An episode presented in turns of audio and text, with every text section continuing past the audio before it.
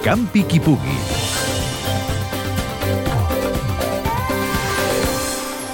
Tot està a punt al pavelló olímpic de la Vall d'Hebron a Barcelona per la festa del ping-pong que organitza aquest dissabte, dia 29, la Federació Catalana de Tenis de Taula.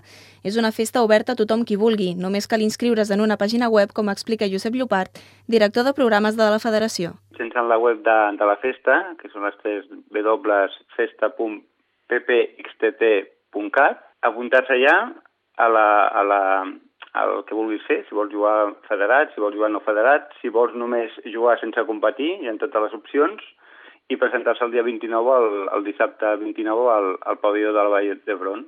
Un cop la federació tingui tots els inscrits damunt la taula, sàpiga el seu nivell de joc i també les seves intencions, farà els encreuaments entre els participants per assegurar el màxim equilibri. En principi els federats juguen en, entre ells, però si hi ha alguna persona no federada que, que es, vol, es vol enfrontar amb, el, amb, els, amb els, entre cometes bons, també ho podrà fer, però hi ha categories per no federats que, que utilitzem les categories del programa Ping Pong per tothom, d'una, dos, tres, fins a cinc estrelles, perquè cadascú jugui al seu nivell, que és el que, el que li interessa. Aprofitant la festa del ping-pong, la federació presentarà una exposició sobre el seu 75è aniversari, una federació que juga amb els dos noms de l'esport, ping-pong i tenis taula. Ping-pong i tenis taula és el mateix, l'únic que canvia és la, és la mirada. El ping-pong és la part de, de lleure, passar-s'ho bé, i el, el tenis taula és l'esport de competició on, on es necessiten hores de dedicació, entrenaments allò diaris i per arribar al, a l'alt nivell.